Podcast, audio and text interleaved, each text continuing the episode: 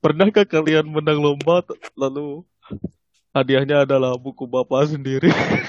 yang didesain oleh yang dapat bukunya. Kayak gue ngeris soal ini bikin gue sadar sih sebenarnya dunia ini menjadi lebih indah tuh sebenarnya berkat orang-orang malas. Jadi mengajukan kepada pihak legislatif di Indiana untuk memasukkan metode ini ke undang-undang dan usulannya ditolak. Karena kalau enggak nih nilai P di Indiana berdasarkan undang-undang adalah 3,2.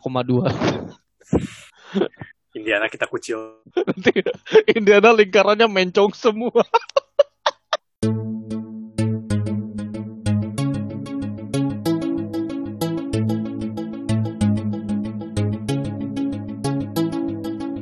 Selamat datang di podcast Bebas Linear. Di podcast ini kami membahas matematika dengan bebas namun masih berada di jalan lurus.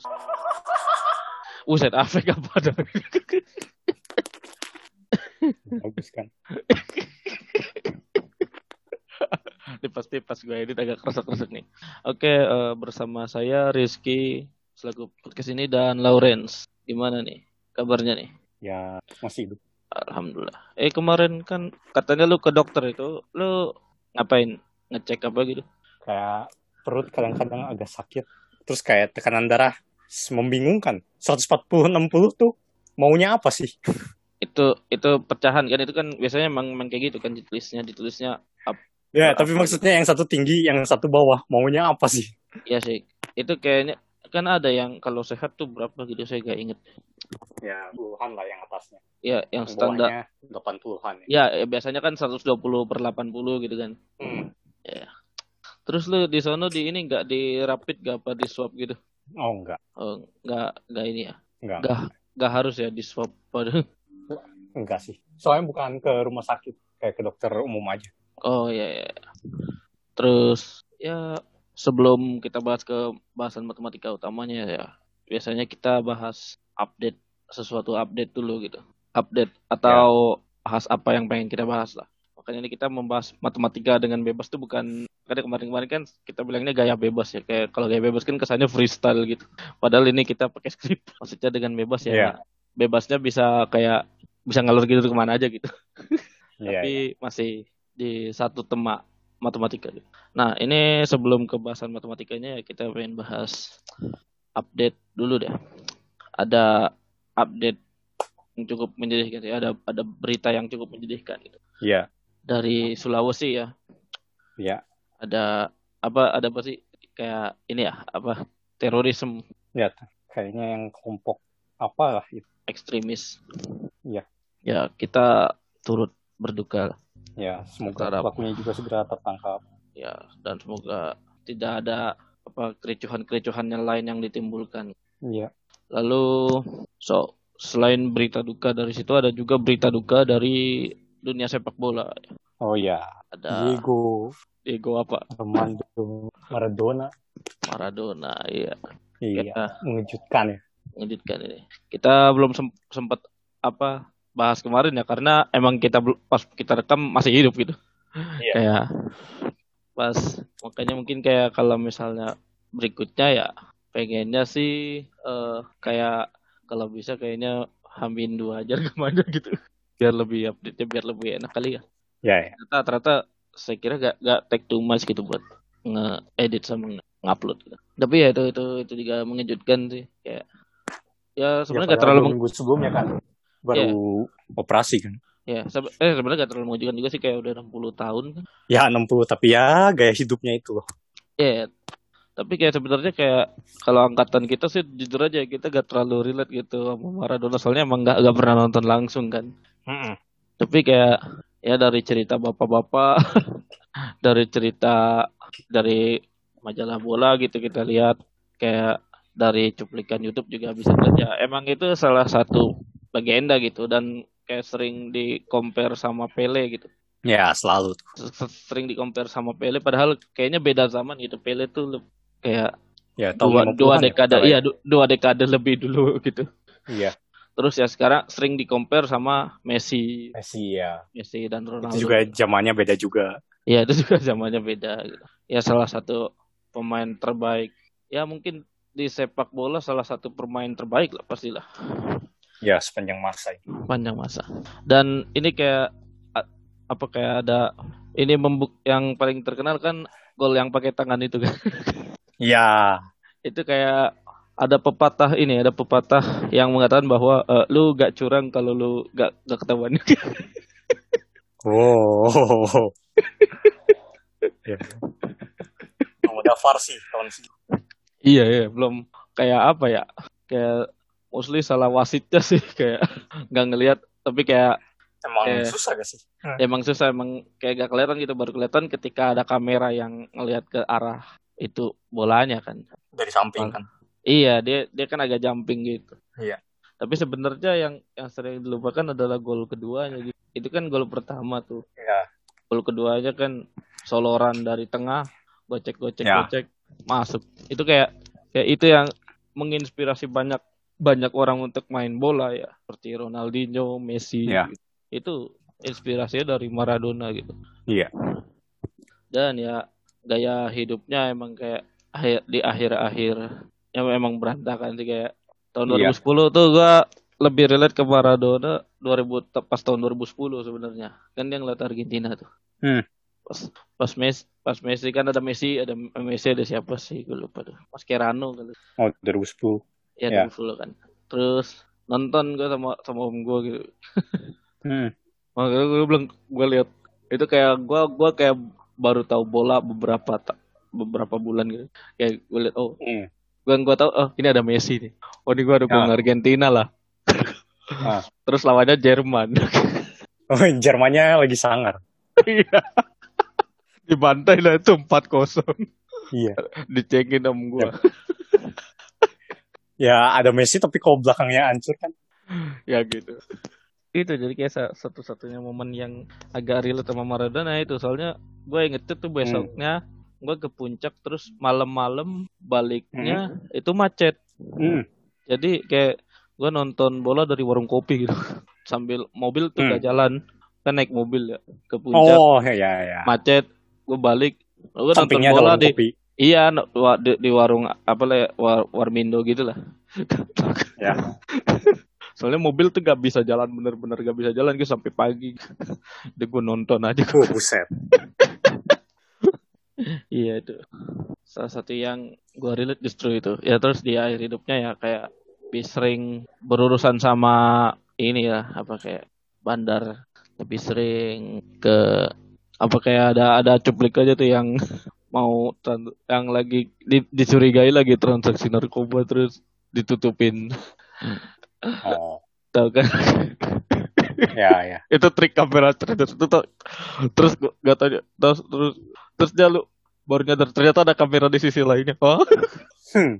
apa itu enggak ini Ya, saya lagi lagi lagi jualan sagu ini Hmm. Ya, tapi kalau katanya pas dari masih jadi pemain juga udah sering minum-minum ya Maradonanya. ya, kalau minum-minum sih wajar sih kalau pemain mah banyak yang minum-minum kan Ya parah sih kalau Maradona intensitasnya ya. Ya tapi kayak segitu aja tuh masih oh masih jago banget itu Iya. kayak dari cerita-cerita yang gue tahu kayak Maradona tuh kayak saat di datang ke Napoli tuh satu tim Napoli tuh biasa aja gitu Ter- terus bisa Iya, benar. bawa, ju- bawa juara gitu kan Jadi juara ya. iya Itu- lagi gila sih. ya itu kalau tahun-tahun ini kayak setara sama Leicester lah kayak gitu Iya. Ya tapi kok buat zaman sekarang malah lebih susah ya. Banyak pemain yang brilian zaman sekarang. Iya cuman gue jarang ngelihat yang kayak bisa yang dribble dribble dari tengah terus masuk gitu itu jarang itu sekarang lebih taktis ya emang sih Ya lebih taktik. Kalau gue Oke. apa ya? Tahun Maradona kayaknya dari kecil deh. Soalnya gue nonton bola dari umur 4 tahun sih. Iya, tapi kan lu kan umur lu 4 tahun kan udah pensiun Maradona gitu kan. Apa Ya, cuma kan sering sama kakak diceritain bla bla bla. Ya, kalau gue 4 tahun nonton Itali sih, makanya jadi fans Itali. eh, Iya, gue baru bener-bener bola pakai kayak 2000 2011. Emang Oh. agak telat gue. Ya, ya. Oke. Terus Oke. dari sepak bola ada yang ini, ada yang Ada yang mengejutkan. Ada yang Apa? ada yang comeback Siapa tuh? Southampton. Wadaw. Wadaw. So- Southampton comeback dari menang ke kalah. Wadaw. Ya jadi itu MU lawan Southampton ya.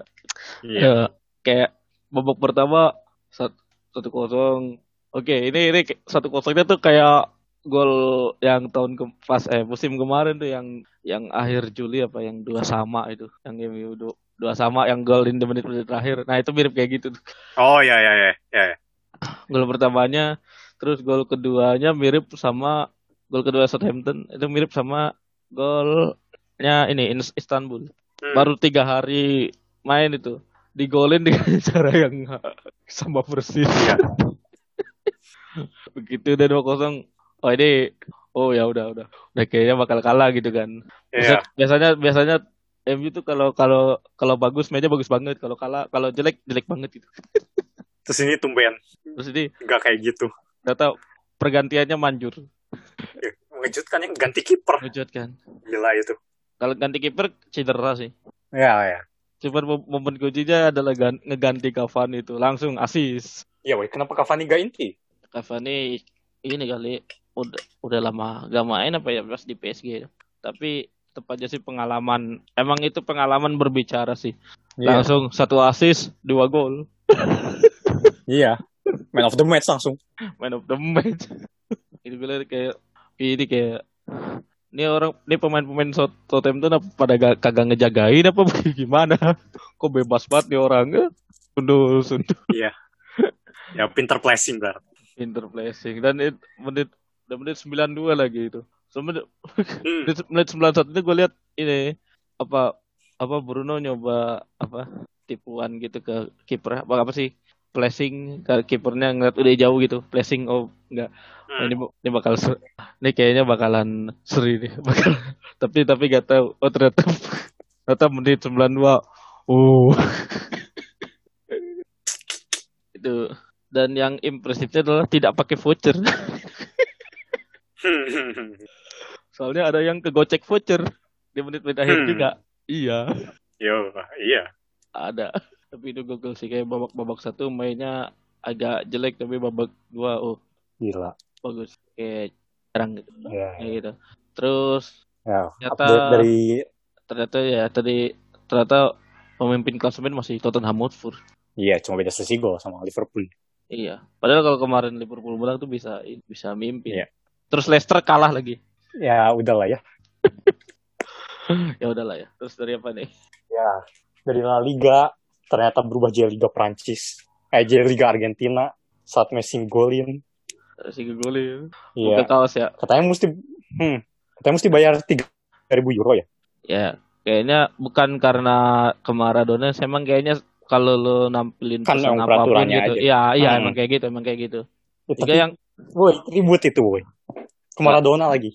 ber, iya sih berapa berapa berapa tiga ribu 3000 euro. Nggak, itu mah itu mah dari makan siang ke makan malam juga kebalap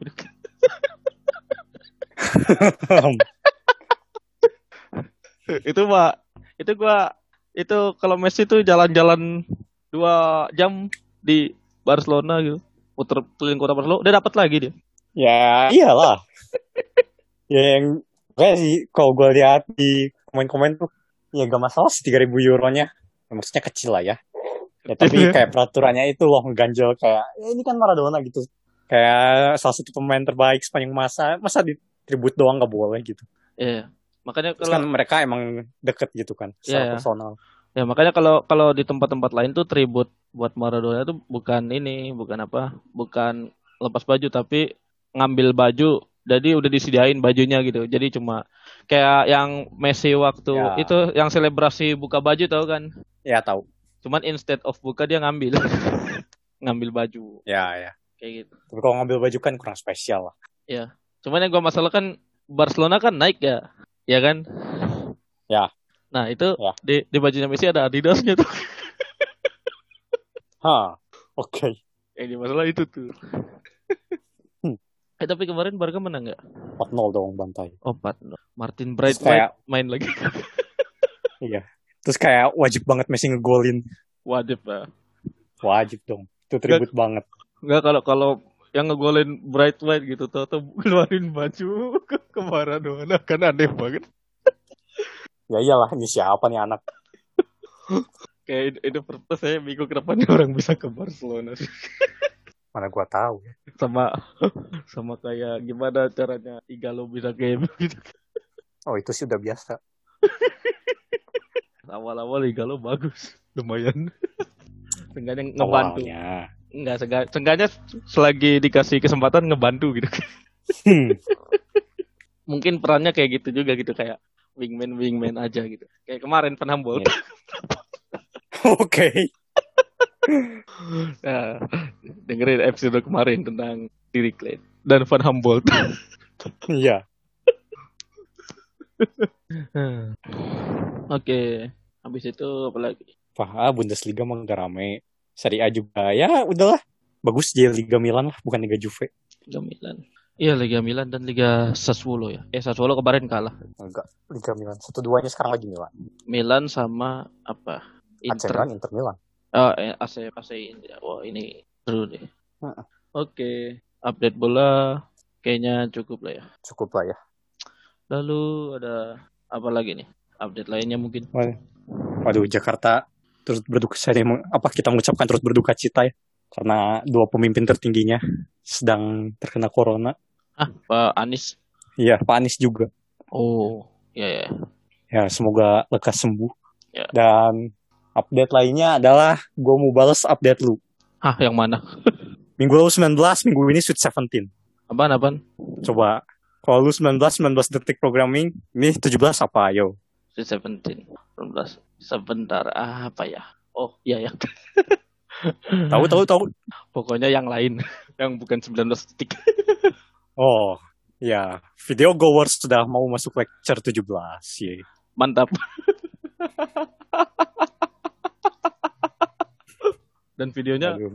gak 19 detik dong. Full dong, full length dong. Masa sih 19 detik?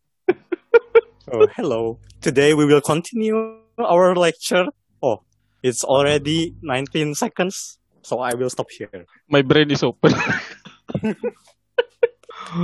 Babang Gowers. Tapi jujur, eh, gue pernah ini kan, eh, nonton video kuliah yang MIT. Ya. Yang kombin juga. Terus topiknya tuh eh, adalah irisan-irisannya. Lumayan banyak ya sama yang goers. Ya. Ya, secara mengejutkan. Kayak yang MIT anak, tapi yang goers lebih cocok buat gua. Entah kenapa. Karena energinya energi males gitu. Oh, MIT energi kuli gitu. Iya bener, kayak energi energinya tuh semua ditulis di papan eh, Goers. Oh, I'm too lazy to write this in detail, so I'll I will only tell you. Wah, Beneran, wah jiwa malasnya mantap. Ada energi hope. Waduh, lelah itu. Tapi kadang Terus, kadang Hmm. kalau yang agak lemot gitu emang kadang bu- butuh ngerti per step per step sih. ya, ya yang Goers cepet sih kehitungnya. Soalnya dia bener-bener semua sketch tingkat tinggi ya. Ya, ya kadang-kadang ada, ada orang yang sketch gak cukup kan butuh uh, di feel diisi detailnya ya. yang Gowers gak ngisi detailnya tapi ide gedenya kelihatan banget kayak wow mantap terus gua baru sampai lecture 4 ya saya Iya. gua num- numpukin Itu lagi Kan- bahas apa? uh, bahas aproksimasi C binomial ya kayak Oh. kalau lu punya kombinasi n dengan n per 2 kayak ini batas atasnya berapa, batas bawahnya berapa kan kadang kalau n-nya besar ya ngapain kita hitung gitu kan kadang cuma Oh. butuh asimptotnya doang Oh, iya. yang cara cara nurunin asimptotnya gimana terus tahu Stirling formula kan Stirling ya ya yang n faktorial itu sekian faktorial gitu akar ya, faktorial akar gitu. Ha-ha. Ya. nah Gowers Gowers nuruninnya gila kayak gampang banget Hah, Stirling gitu doang gitu kayak uh big brain Ya. tapi dengan balik lagi energi malas uh energi malasnya mantap saya suka Big males energy. ya aduh saya terlalu malas ini jadi saya gak tulis detailnya dulu terus oh ya yang bagus itu dia lecture satu atau dua ya ada salah terus baru ingat di lecture tiga ya dia bilang oh waktu itu ada, ada salah saya lupa ini terus ini yang benernya oh mantap itu Ya. Terus kadang komen di bawahnya gitu. eh, eh, dosennya gak jelas. wah gue gak bacain komennya soalnya gue download sih ya. Kalau baca komennya ada yang ada tulis komen dos, dosennya gak jelas gak tau aja dia pakai blur. ngelihat Oke. itu meme-meme kuliahan. Itu kurang kerjaan banget. Ngapain? Ya, terus ada lagi? Kayaknya udah. Kayaknya update udah nih. Kayaknya bakal panjang juga nih episode. Iya. Oke, kita langsung ke bahasan utama. Nah, hari ini kita mau bahas apa nih? Hari ini kita bahas yang lumayan sederhana lah ya. Dibanding uh, Millennium Prize Problems. Ya, Ya, kita mau bahas yang bunder-bunder aja. yang Kita mau bahas lingkaran. Ya, kita mau bahas lingkaran. Ini gua terinspirasi ngambil tema ini terinspirasi dari bukunya apa Hendra Gunawan ya. Hmm. Ya, judulnya Lingkaran terus ada subjudulnya saya gak ingat. Pokoknya judulnya ling- Lingkaran aja. Terus ada sebenarnya ada cerita menarik di soal buku ini. Kasih kasih tau nggak nih lah. Kenapa? yang ini kisah menarik yang melibatkan ini anaknya Pak Hendra. Oh, ya boleh, boleh, boleh. Jadi jadi kalau kalian ingat yang di episode 23 ada Rubio. Nah, itu itu anaknya Pak Hendra. Pernah ke sini juga soalnya. Ya, Terus dia pernah ikut lomba gitu sama ya saya. Saya di- diselenggarakan oleh dosen-dosen ITB ya. Iya ya, lomba ini Makde Makde. Ya, dan setim sama Kiki. Ya wak- waktu itu sama saya. Terus dia dapat juara harapan ya. Ya nggak tahu lu yang dapat. Iya, iya. Waktu itu Rubio ya, Rubio setim sama gue soalnya. jadi jadi tim lombanya tim gitu. Terus ya kita dapat juara harapan satu. Terus hadiahnya adalah buku lingkaran itu. Iya. Jadi hadiah yang diperoleh Rubio adalah buku bapaknya sendiri. Dan dia yang desain untuk covernya dan punya infinitely many gitu kan. iya, Punya soft-filenya. punya software. Kayak pernahkah kalian menang lomba lalu hadiahnya adalah buku bapak sendiri? yang didesain oleh yang dapat bukunya. didesain oleh yang menang yang didesain oleh yang dapat hadiahnya iya Ya kayak lol momen. iya tapi terlepas dari apa pun itu buku bagus sebenarnya bagus. Ya Gue belum pernah baca ya. ya lumayan ngasih insight lah tentang apa asal usul lingkaran. Nah ini kita coba alih bakukan dari dari bentuk podcast ini sebenarnya. Hmm. alih apa alih apa namanya? Alih medium. Ah kayak gitu gitulah dan ya kalau kita berbicara soal lingkaran ya. Lingkaran adalah bentuk yang sangat sering kita jumpai ya. Bahkan di alam gitu kayak Apalagi penggemar bola. ya penggemar bola apalagi tentu saja.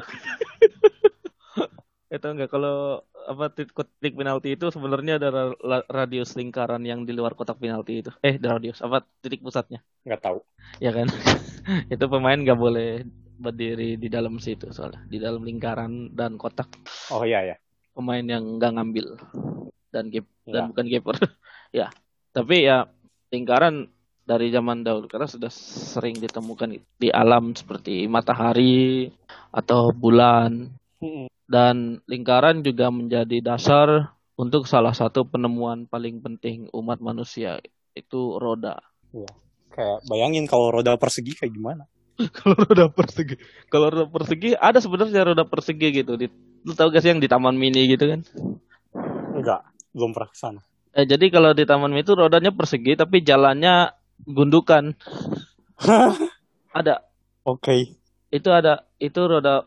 Jadi dia kayak gundukan dengan periode tuh kayak sama kayak kira-kira sama kayak gede kotaknya itu gede rodanya jadi dia emang bisa jalan emang bisa jalan tapi cuma digundukan itu doang gitu Ya iya, bayangin aja kalau di jalan raya gitu. Aspalnya hancur, kitanya hancur. aspalnya hancur ya jadi itu salah satu penemuan yang paling berpengaruh ya karena dari roda itu nanti akan tercipta cipta mobil sepeda motor lalu di sisi lain akan tercipta gerigi juga kan Mm-mm. gerigi lalu akan tercipta mesin gitu jadi roda ini adalah salah satu penemuan paling penting umat manusia dan ini ditemukan di abad atau zaman perunggu. Ini tiga ribuan tahun sebelum masehi gitu. Hmm. Tapi gue ngebayangin kayaknya ngomong-ngomong tadi soal apa yang di Taman Mini, jangan-jangan kalau misalnya ada misalnya leluhur kita nih mikirnya beda nih. Alih-alih kita Wah. bikin, alih-alih kita bikin, oh kita daripada kita bikin, misalnya kan mau bikin gerobak ya. Kayak kita mau mandah, mindahin sesuatu nih berat, Ah, kita Ah. bik- kita bikin gerobak tapi instead of kita bikin rodanya bulat, kita bikin jalanannya bulat. Lu Ngerti gak maksud gue? Itu rodanya sih bisa maju, gak gerobaknya sih bisa maju. Iya. Ntar kitanya tenggelam di bawah doang. Iya. Maju-maju. Roda, rodanya kayaknya kita gerobaknya kan dibikin rodanya tetep kotak gitu. Roda- rodanya kotak aja tapi jalanannya yang bulat ya gerobaknya doang yang maju, kitanya yang enggak. lu, lu bayangin jalanan kita zaman sekarang ntar isinya polisi tidur semua apa Iya. apa jangan polisi tidurnya nanti bentuknya kotak lagi Waduh. iya ya tapi ngomong-ngomong soal roda ya ini kayak gua ngeri soal ini bikin gue sadar sih sebenarnya dunia ini menjadi lebih indah tuh sebenarnya berkat orang-orang malas Oh iya dong. Iya. Bener tadi big males energy. Iya dong. Kenapa penemuan ada? Karena orang malas melakukan sesuatu. Malas. Mempermudah itu, kita menciptakan lah. Ya kayak orang males ngangkat-ngangkat barang. Ya udah, Diciptakanlah kenapa gak bikin yang otomatis aja? bikin aja yang kita bikin lebih gampang ngangkat barangnya, lebih kecil kayak geseknya roda. Ya. Terus lama-lama orang orang males apa misalnya datang ke suatu tempat, males kalau jalan, lalu bikin mobil gitu. Atau di sisi lain ada yang bikin surat juga gitu buat ngabarin orang. Iya. Terus sekarang bi- bikin surat, ah, kadang nyampainya suka gak beberapa hari, males Males nungguinnya. pas nungguinnya, bikin telepon. Telepon, ya. Tapi telepon, aduh malas denger suara orang ini cempreng gitu. bikinlah SMS. Oh, ya. Terus sekarang berkembang jadi WA bapak-bapak. Iya. Tapi menariknya gosip ibu-ibu tetap jadi WA sih. iya tetap. jadi ya itu kayak yang mengubah orang-orang, yang mengubah dunia ini kebanyakan kayak ilmuwan-ilmuwan jangan dulu tuh gue curiga sebenarnya bukan bukan pinter sih tapi males. Iya. tapi Terus tahu nggak berkah terbesar dari malas? Apa? Indomie. Indomie tetap sekali tepat sekali. Aduh, malas bikin Ayah, kita bikin mie instan pakai micin yang banyak-banyak. 5 menit jadi. Yo. Tapi ya itu sebenarnya kayak kayak kalau kata Bill Gates kan saya memperkerjakan orang yang malas saja walaupun itu nggak tahu sih benar apa enggak gitu. Ya, Tapi kan malas yang- itu tanda petik ya. ya, tapi harus diingat ini bukan males kayak cuma rebahan apa gitu. Tapi Hmm, males sama sekali. Iya, Ya. tapi males dan kreatif. Sebenarnya itu. Orang tuh sering lupa kreatifnya gitu. Hmm, hmm. Kayak ya kayak tadi orang kenapa bisa orang kepikiran bikin roda gitu. Oh, Iya, iya. saya kalau males tapi tidak nyari solusi untuk kemalasan itu ya males aja berarti. Iya. iya, itu yang lebih ya itu kayak harga sebuah kreativitas tuh di situ. Makanya ada yang namanya haki, ada yang namanya paten. Hmm. Apa ini jadi kuliah ini? Bukber. Itu kuliah favorit. kuliah semua favorit semua orang iya tepat sekali orang. Oke, kita balik ke lingkaran.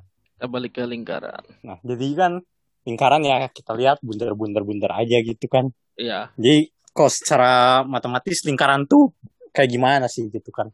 Iya Nah, kayak secara matematis tuh lingkaran ini adalah kumpulan titik-titik yang jaraknya ini sama terhadap suatu titik tertentu. Nah, ya titik tertentu itu yang kita sebut titik pusat lingkaran. iya Terus nih kayak lingkaran selain ada titik pusat ya ada juga namanya jari-jari atau diameter kan. iya Jari-jari itu jarak titik pusat ke salah satu lah dari titik yang banyak sekali itu. iya Definisi ini kan kayak udah kita bahas juga ekuivalen ya iya dengan definisi yang postulat Euclid ketiga.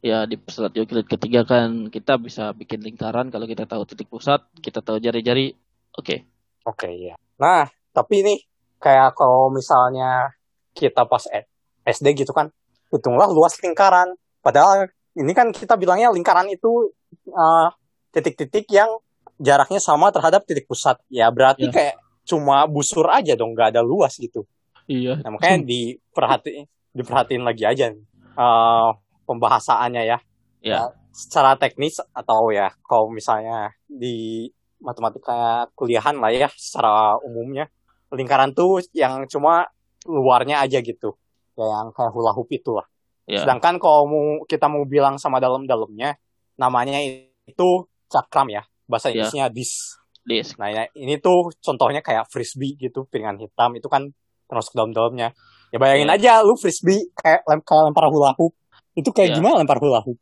Bisa aja sih hula hoop kecil kan? Iya, tapi maksudnya nangkepnya gimana? Kayak, uh, susah. Iya. Nangkapnya susah ya. Iya. Nah, tapi ya kalau SD apa bilang itu luas lingkaran ya udah terima aja lah. Gak apa-apa disebut lingkaran mas, gak disebut luas cakram. Ya, masa kita ngitung luas, luas busur. Iya. Ya tapi kan kalau udah ngerti kan, masa kita hitung luas luas busur, ada kan panjang busur. Ya, jadi kalau ah, busur tuh apa? Jadi busur tuh ini apa namanya? Eh panjang dari panjang dari suatu titik eh bukan panjang sih, eh, segmen kurva lah. Kurva dari suatu titik ke titik lain di lingkaran. Ya. Nah, Terus jadi lingkaran ini, hmm, terus ada ada lagi yang kayak namanya juring itu. ya itu sepenggal dari lingkaran. Penggal kayak kayak motong pizza itu bentuknya juring. Ya, Terus ada istilah-istilah lain tuh apa tembereng. bereng. Ya, Kalau tembereng tuh apa sih kayak juring tapi dikurangin segitiga ya, segitiga. segitiganya. ha. Ya, jadi segit dari dari busur ke busur ditarik segitiga dan ya yang bagian Tembereng ya, kecilnya gitu. sisanya. Ya, Hmm. ya, ya, ya. Itu istilah-istilah teknis aja lah. Bisa Ya. di look up sendiri. Ya, Oke. pasti belajar lah SD SMP lah. Ya, ya. Nah ya, kembali ke sejarah lingkaran. Jadi sejak zaman Mesopotamia, Babilonia, dan Mesir kuno, ilmu geometri sudah berkembang ya. Kan Ya. awalnya geometri itu karena orang punya tanah. Misal gue punya tanah segimana, lu punya tanah segimana, kita kasih batas kan tanahnya. Ya, Eh banjir, hilang kan batas tanahnya. Terus Iya. kita saling ngeklaim gitu kan. Eh ini tanah saya segini, eh ini tanah lu yang segini. Nah karena itulah muncul geometri kan, biar biar fix gitu batas tanah kita tandain kita aja yang mana. gitu Iya. kan. ya kan kita hitung nih batasnya sampai mana gitu kan kalau ditandain kan ntar bawa banjir lagi gitu kan Iya. ya nah jadi ya zaman dulu itu buat ngitung luas ya ya luas tanah luas wilayah kita atau volume-volume gitu kan Ya. nah ya jadi kita mulai gitu dari bangun datar dulu ya Hmm. kan lingkaran ini terbilang salah satu bangun datar dan untuk bangun datar yang berupa poligon ya tau lah poligon mungkin merek TV ya itu Merek sepeda. oh merek sepeda juga ada Sepeda Ya. tuh eh, family saya tahu. Iya ya. Nah, jadi kalau bangun data yang poligon kan terdiri dari beberapa segmen garis lurus ya. Iya, pokoknya Untuk membentuk bangun datar. Ya, garis-garis lurus Hmm. dihubungkan membentuk bangun datar. Ya. Nah, buat cari kelilingnya ya gampang kan. Yang garis lurusnya aja. Hitung berapa panjangnya terus jumlahin. Ya. Buat luas juga kalau bangun datarnya cukup reguler nggak terlalu susah ya. Ya. Nah, Pokoknya kalau poligon sih gampang sih kalau kalau gampang ya. pokoknya kan poligon tuh bisa dibagi-bagi jadi segitiga kan. Iya. Ya, kalau Terus ya, misalnya hitung aja luas persegitiganya. ya kalau segitiga kita bisa hitung pakai entah pakai Pitagoras eh atau Pitagoras lagi bukan entah pakai alas kali tinggi atau paling pahit-pahitnya pakai rumus Heron Ya. apa atau kan yang rumus Alexander of Yang Alexander akar. S dikali S min A dikali S min B dikali S min C. ya S-nya A, A plus B plus C per Ya setengah keliling. dua ya setengah keliling jadi kayak kita tahu Nah, ya. kalau kita tahu keliling segitiga eh kalau kita tahu tiga sisi panjang tiga sisi segitiga ya kita bisa tahu luasnya kan tahu luasnya ya. ya terus Nah, masing-masing tuh guru-guru tuh gimana nggak bilang itu rumus nggak bilang itu rumusnya dari Heron dikasih aja nih rumus mungkin nanti kalau ditanya mungkin nanti kalau ditanya dari mana nanti Heron sendiri dia. Mengheronkan diri sendiri. Tapi ya itu Heron yang sama yang pernah kita bilang di episode 30 ya. Ya yang waktu itu mau ngukur piramida eh negatif akarnya. Iya. Typo typo dan itu itu tidak bisa ngedeteksi itu kalau bisa kalau misalnya segitiga valid itu selalu bisa masuk kan. Hmm. kalau segitiganya gak valid itu gak bisa masuk. Hmm. Tahu negatif. Tapi ya kalau segitiga kalau tadi kita punya poligon ya kita tinggal bagi-bagi jadi segitiga masing-masing segitiganya kita hitung luasnya terus dijumlahin gampang kalau poligon. Hmm. Nah, Kalau lingkaran gimana?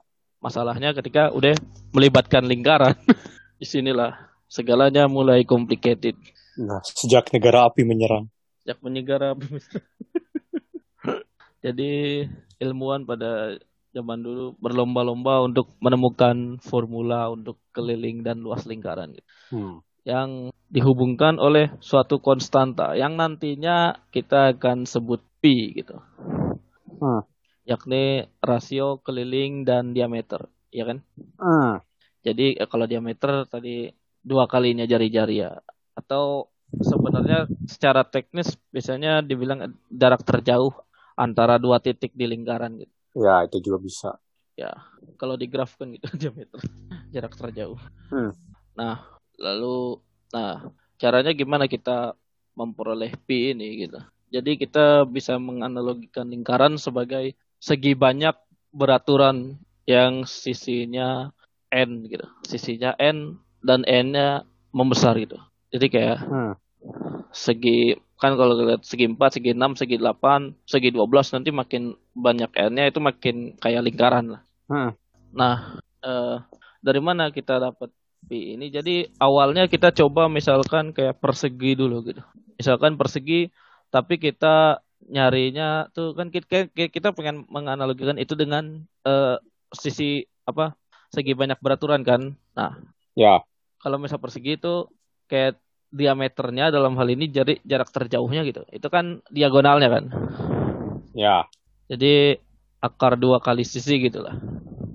Hmm. Jadi kelilingnya bisa ditulis sebagai dua akar dua dia kali diameter gitu. Hmm. Dan luasnya adalah d kuadrat per dua. Nah jadi Hmm. dari sini kita lihat bahwa kelilingnya berbanding lurus dengan diameter, eh, lalu luasnya berbanding lurus dengan diameter kuadrat gitu. Ya. Lalu kita coba misalnya untuk segi 6, segi 6 beraturan. Kelilingnya adalah ti- tiga kali diameter Hmm. dan luasnya adalah 3 akar 3 per 8 kali diameter kuadrat. Jadi nah, ini ada hubungan nih. Berarti kelilingnya adalah berbanding lurus dengan diameter dan luasnya berbanding lurus dengan diameter kuadrat. Ya. Jadi ilmuwan itu menduga bahwa kelilingnya itu pasti proporsional dengan diameter dan luasnya proporsional dengan diameter kuadrat. Nah, ini dugaan ini dibuktikan oleh siapa nih? Ya, jadi dugaan ini terbukti oleh Antipon, anti PHON, Ya. dan Eudoxus, EUDOXUS dengan menggunakan metode exhaustion, yaitu menghimpit lingkaran dengan dua buah segi N beraturan. Ya, jadi kayak Jadi kayak lingkarannya itu lingkaran dalam sekaligus lingkaran luar ya. Iya ya. Jadi tadi bisa persegi, persegi dalam, persegi luar, persegi dalam Hmm. lingkaran, persegi luar lingkaran yang benar-benar Lingkaran. mepet gitu. Nanti Iya. n n-nya diperbanyak lah gitu. Segi 6, Ya. segi 8 gitu. Ya. Metode ini merupakan salah satu cikal bakal metode analisis yang dikenal rigor atau ketat ya. Ya. Bukan ngebuktiin tidak hanya intuisi, tapi ya secara step by stepnya harus nyambung dan benar gitu. Ya. Nah, proporsi yang di lingkaran kita sebut pi. Ya, walaupun si pi ini ternyata baru dipopulerkan sekitar abad 17. Nah, selanjutnya ya orang-orang pengen tahu dong pi ini tuh kayaknya kalau didesimalin tuh kayak berapa ya? Ya. Apakah nantinya ber- berpola gitu si desimalnya atau enggak gitu? Ya. Nah, jadi sebenarnya sejak 2000 tahun sebelum Masehi, kaum Babilonia kuno sudah menggunakan aproksimasi pi, yaitu 3,125 atau 3 8 untuk menghitung luas lingkaran dan orang-orang Mesir kuno memakai pi-nya ini dihampiri oleh 4 kali 8 per 9 kuadrat, sekitar 3,1605. Iya. Jadi kalau yang di Mesir kuno tuh ada mereka percaya bahwa eh, apa? Kalau kita punya persegi sisinya 8 itu luasnya sama kayak eh kalau lingkaran kelilingnya 8 sis itunya sama kayak persegi sisinya 9 atau sebaliknya gitu. Jadi dia Hmm. itu kayak sebanding gitu dan not bad lah untuk ukuran aproksimasi zaman dulu gitu. Itu 3,16. Ya, sama yang 3,125 ya lumayan lah ya. Nah, selanjutnya ini gua mau verifikasi dulu nih. Di dari kitab suci kitab perjanjian lama juga ada ya, Lau. Oh, enggak sih. Atau ada di sejarah aja ya. ya ini ini sejarah aja. Jadi kayak kayak sejarahnya kayak kitab perjanjian lama mewahyukan bahwa konstanta ini sama dengan tiga gitu. Jadi pi sama dengan tiga gitu. Menurut Hmm. kit- kitab perjanjian Mungkin lama. bukan dari mungkin bukan dari Alkitab yang sekarang ya. Mungkin ah ya yang tulisan yang zaman dulu sekali gitu. Ya ya. Ini kalau gue lihat di Wikipedia nih Hebrew Bible sih, Hebrew Bible. Ah ya, pasti yang orang Yahudi. Kalau yang iya. sekarang nggak ada yang gituan. Ya, ya. Jadi ini sebenarnya dari cerita sih, bukan ujuk-ujuk pi sama dengan tiga gitu, tapi ada Ya ceritanya benar. eh, suatu apa gitu. Link pokoknya dia ke apa diameternya 10 tapi kelilingnya 30 gitu. Ini Hmm. dalam bentuk cerita. Da, lalu dari kitab suci ada juga kitab Hindu atau mungkin bukan kitab kali teks ya teks Hindu ini mungkin teman-teman teman-teman yang Hindu bisa ngoreksi lah kalau kurang tepat ini ini namanya eh, Satapata Brahmana. Ini menyatakan bahwa konstanta pi ini se- senilai dengan 3,125 D- ini dituturkan melalui eh, instruksi untuk membuat altar yang melingkar. Jadi altar yang melingkar batunya se- sebanyak ini ya, but- butuh instruksi. Dan instruksinya ini ya secara implisit menyatakan bahwa pi ini eh, 3,125 gitu. Dan oh ya ini kita disclaimer dulu ini ini bukan kita ngejelek-jelekin ajaran atau apa bukan kayak ajaran ini salah atau gimana gitu. Cuman pada saat diturunkan pada saat apa teks atau wahyu itu diturunkan ya kan masyarakatnya nih masih masyarakat yang belum seperti sekarang belum belum kenal istilah irasional gitu kan Ya. Belum belum ngerti nih konsep pi sebagai bilangan irasional seperti apa gitu sehingga kayak untuk praktiknya gitu untuk kepentingan praktikal yang diturunkan adalah yang diturunkan dalam teks atau dalam wahyu itu adalah nilai pi yang berupa aproksimasi gitu. Ya kalau misalnya Hmm. dikasih dikasih nilai pi yang benerannya itu 3,1 bla bla bla itu nanti nggak selesai-selesai gitu kan. Iya. Terus kan lagian uh, baru diketahui pi irasional tuh abad 17-18an. kan. Iya. Kayak jadi ini kayak lebih untuk praktikal juga kan untuk Ya. aplikasi-aplikasi tertentu. Jadi ya ini saya jadi kepikiran sesuatu hal sih. Jadi lu tahu ini enggak sih istilah kayak langit ketujuh? Hmm. Tahu kan kalau di Islam tuh Hmm. ada tuh istilah langit ketujuh. Nah, ini kalau menurut gua ya, ini sekali lagi ini menurut gua, Hmm. gua kalau gua ngerasa istilah langit ketujuh itu gak benar-benar artinya tujuh langitnya ada tujuh gitu. Tapi kayak tujuh itu tuh sebenarnya melambangkan ketahinggahan gitu. Hmm. Jadi kayak ketika tujuh disematkan kepada kata langit, ya itu karena langit satu aja udah luas banget gitu, apalagi tujuh gitu. Hmm. Ya dan beberapa tafsir berkata langit ini yang dimaksud bukan langit fisik, lang tapi langit goib gitu. Hmm. Yang mungkin kayak bisa kita lihat baru ketika kalau kita sudah meninggal gitu. Dan ya pada waktu itu orang-orang Arab ya belum mengerti istilah ketahinggaan kan tentu saja tuh. Ya dong. Nol aja masih perdebatan. ya nol aja masih ya masih agak ini masih didebatkan gitu jadi ya diganti, diganti dari istilah ketahinggaan itu diganti jadi istilah tujuh gitu Hmm. Mereka belum tahu Graham number aja. ya belum maksudnya ya itu kayak kayak tadi kayak wahyu disesuaikan dengan apa pengetahuan masyarakatnya Hmm. Ya. Oke, nah tadi kan aproksimasinya kayaknya agak jauh ya.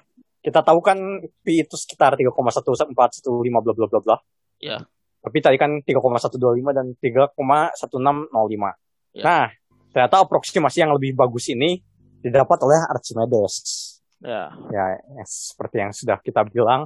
Nah, pakai metode exhaustion juga, tapi seginya tuh segi 96 beraturan. Kayak banyak banget itu kan. Ya. Nah, dia dapat kalau P ini ada di antara 223 per 71 dan 22 per 7. Nah, 22 per 7 yang kita sering pakai SD SMP ya. SMA ya itu kalau 22 per 7 biasanya kalau angka diameternya atau atau jari-jarinya tuh habis dibagi 7 tuh. ya. kalau 3,14 biasanya kalau yang untuk yang lainnya. Yang lainnya yang jari-jari 10 gitu atau 6. Heeh. Padahal kayak kalau pakai yang tuh kalau habis dibagi tujuh mau pakai yang 3,14 ya silakan aja. Silakan aja. Itu namanya cuma hampiran doang. Aproksimasi. Iya. Tapi kadang-kadang takutnya suka gak nemu di jawab aja. ya tuh kalau misalnya PG wah bahaya. iya. Nah, dari Archimedes dilanjutkan oleh Ptolemeus. Ah, Ptolemeusnya depannya ada P. Ya. Menggunakan metode yang serupa untuk mendapatkan hampiran yang lebih baik yaitu 377 per 120 yaitu 3,14166 dan seterusnya. Wah, udah dekat ini. Iya, kayak beda digit di desimal keempat ya. Iya. Udah bagus banget itu. Nah, sementara di Cina, biasanya masyarakat menggunakan aproksimasi itu koga, koga 3 akar 10. Akar 10 itu sekitar 3,162. Nah, hingga suatu orang yang bernama Liu Hui, Liu Hui Ya, saya, saya tahu itu. Liu. Hui kan baca Hui. Iya. Liu Hui menemukan iya. metode iteratif poligon baru yang membuatnya mampu memperoleh aproksimasi dengan poligon 96 sisi beraturan, mirip kayak yang Archimedes. Nah, tapi ketelitiannya ini lebih bagus daripada yang Archimedes. Jadi, didapatnya itu pi ini sekitar 3,141024 dan 3,142704. Nah, lalu dilanjutkan oleh Cucung Ce uh, Z U C H O N G Z H I ya. Cucung Ce Cucung Ce ya menggunakan metode yang serupa dan memperoleh hampiran yang akurat hingga tujuh angka di belakang koma dibanding nilai yang saat ini diketahui. Nah, ini tuh kayak rekor banget gitu dan bertahan sampai abad ke-15. Ya. Lalu matematikawan lain yang mencoba mengaproksimasi pi dengan metode poligon dari serupa di antaranya adalah uh, Fibonacci, uh, Al-Khwarizmi hingga Vieta. Hmm, nama-nama yang cukup familiar. Ya, lalu pada abad ke-17 ini udah loncat ini udah fast forward ini. Ya. Kalku kalkulus pun ditemukan dan membuat per, ya membuat percarian aproksimasi nilai pi mulai bergeser nih. Dari tadinya kita pakai poligon nih menghampiri dengan poligon n. Ya kalau poligon n-nya banyak ya bisa kuliah aja kan sebenarnya. Cuman ya sih. cuman tidak kita akan beralih ke metode yang menggunakan dereta hingga. Hmm. nah contoh formula yang remarkable adalah formula Madava Gregory Leibniz. Hmm. ya, ya. jadi dia memakai deret Taylor dari arctan X. Arctan X itu adalah integral dari satu per satu plus x kuadrat x kan? Ya. Ya kan? Itu ya. satu per satu plus x kuadrat x kita bisa cari dari Taylornya lalu kita integralkan suku per suku. Nah, lalu kalau kita substitusi x sama dengan satu, arctan satu kan pi per empat ya? Ya. Nah, jadi kita dengan menggunakan formula Madava Gregory Leibniz ini kita memperoleh pi per empat sama dengan satu dikurang sepertiga ditambah seperlima dikurang sepertujuh ditambah sepersembilan dan seterusnya. Jadi penjumlahannya ada resiprokal jangan ganjil tapi tandanya selang-seling. Ya. Lalu apa lagi nih? Ya. Terus John Machin M A C H I N ya. menggunakan formula yang sama untuk memperoleh bahwa pi per 4 itu adalah 4 kali dari aktan seperlima dikurangi arctan 1 per 239. Nah, dari uh, formula yang ini uh, bisa kita hitung 100 digit pi dengan akurat dan konvergennya lebih cepat. Nah, ini juga nanti dikembangkan oleh Ramanujan ya formula ini. Ya nggak sih? Hmm. Eh, ya. Ramanujan tuh bikin yang dia konvergennya cepat banget. Ya. Tapi nah, pakai binomial. ya luar biasa. terus gimana nih? Ya, terus kan tadi bilang kalau pi ini tadinya belum ada simbol ya. Simbolnya itu ya. baru mulai abad 17. Nah, hmm. kenapa simbol pi itu kayak begitu? Kayak garis horizontal, terus ada dua garis vertikal yang hampir sejajar loh. Ya. Nah, ini tuh berasal dari bahasa Yunani yang disebut periferia yang artinya adalah keliling. Nah, pertama yang pertama kali menggunakan simbol ini adalah William Jones pada tahun 1706 dan yang mempopulerkannya adalah Euler mulai dari tahun 1736. Ya. ya. Nah, dengan bantuan komputer yang sekarang ya, aproksimasinya ini ya bisa sedekat mungkin lah kayak ya. yang kita mau. Bisa sedekat mungkin. Nah, Rekor nah, sekarang ya, re hmm. rekornya akurasinya 50 triliun digit. Gila. Ya. Dulu itu dulu aja serat apa buat satu buat tujuh digit aja lama gitu kan bertahannya. Ya. Sekarang udah 50 triliun digit akurat. Nah, ya. rekornya dipegang oleh Timothy Mullikan pada Januari 2020 dengan waktu running yang Anda perlukan adalah 303 hari. Iya, tidak 19 detik ya. Buset tuh. Bisa nonton berapa match itu? Iya bisa 303 hari itu kayaknya itu kayaknya dikunci terus ditinggal ditinggal liburan dulu. Nah, meskipun kita sekarang sudah punya pi dengan akurasi 50 triliun digit itu, kalau misalnya untuk keperluan sehari-hari mah ya kita perlunya mungkin ketelitian sampai 39 digit aja kali. Iya. Kalau ya gak perlu lebih dari 39 digit nih karena kenapa? Karena menurut George Arndt dan Christoph Heinel. Nah, 39 digit ini cukup untuk menghitung keliling observable universe dengan selisih atau error ya. Error sebesar satu atom hidrogen. Hmm. Atom hidrogen itu atom terkecil. Ya, ya. Jadi untuk keperluan, makanya yang saya bilang kemarin kayak mungkin kayak P itu irasional ya nggak terlalu berarti gitu karena kita bisa mengaproksimasi ini dengan ketelitian yang kita mau dan mungkin untuk keperluan berbeda ketelitian yang diperlukan berbeda gitu misal untuk mm. ngukur gedung Tapi, mm. ya kalau untuk ukur gedung mungkin lo perlu ketelitian yang lebih daripada untuk membuat katakanlah membu membuat bola basket gitu ya tapi apa deh nah kalau di matematikanya sendiri kenapa penasaran gitu digit B sampai banyak-banyak Ya. Kita lebih penasaran ke distribusi uh, digit-digit 0 sampai 9 di dalam pi. Iya. Kayak digitnya ini kan uh, sudah dibuktikannya muncul semua. Tapi apakah frekuensinya sama gitu per digit tuh munculnya? Kayak cukup menarik. Ya, ya. Kalau sampai sekarang gimana? Mungkin sampai yang diketahui. Sampai yang diketahui sih kayaknya frekuensinya sama. Jadi kayak Tapi peluang bukti. Hmm? Ya peluang munculnya per 10 per 10 semua ya. Iya. Ya tapi bukti rigornya belum ada gitu. Oh ya. Oke. Okay. Demikian sejarah lingkaran. Nah, kita masuk ya ke properti-properti lingkaran.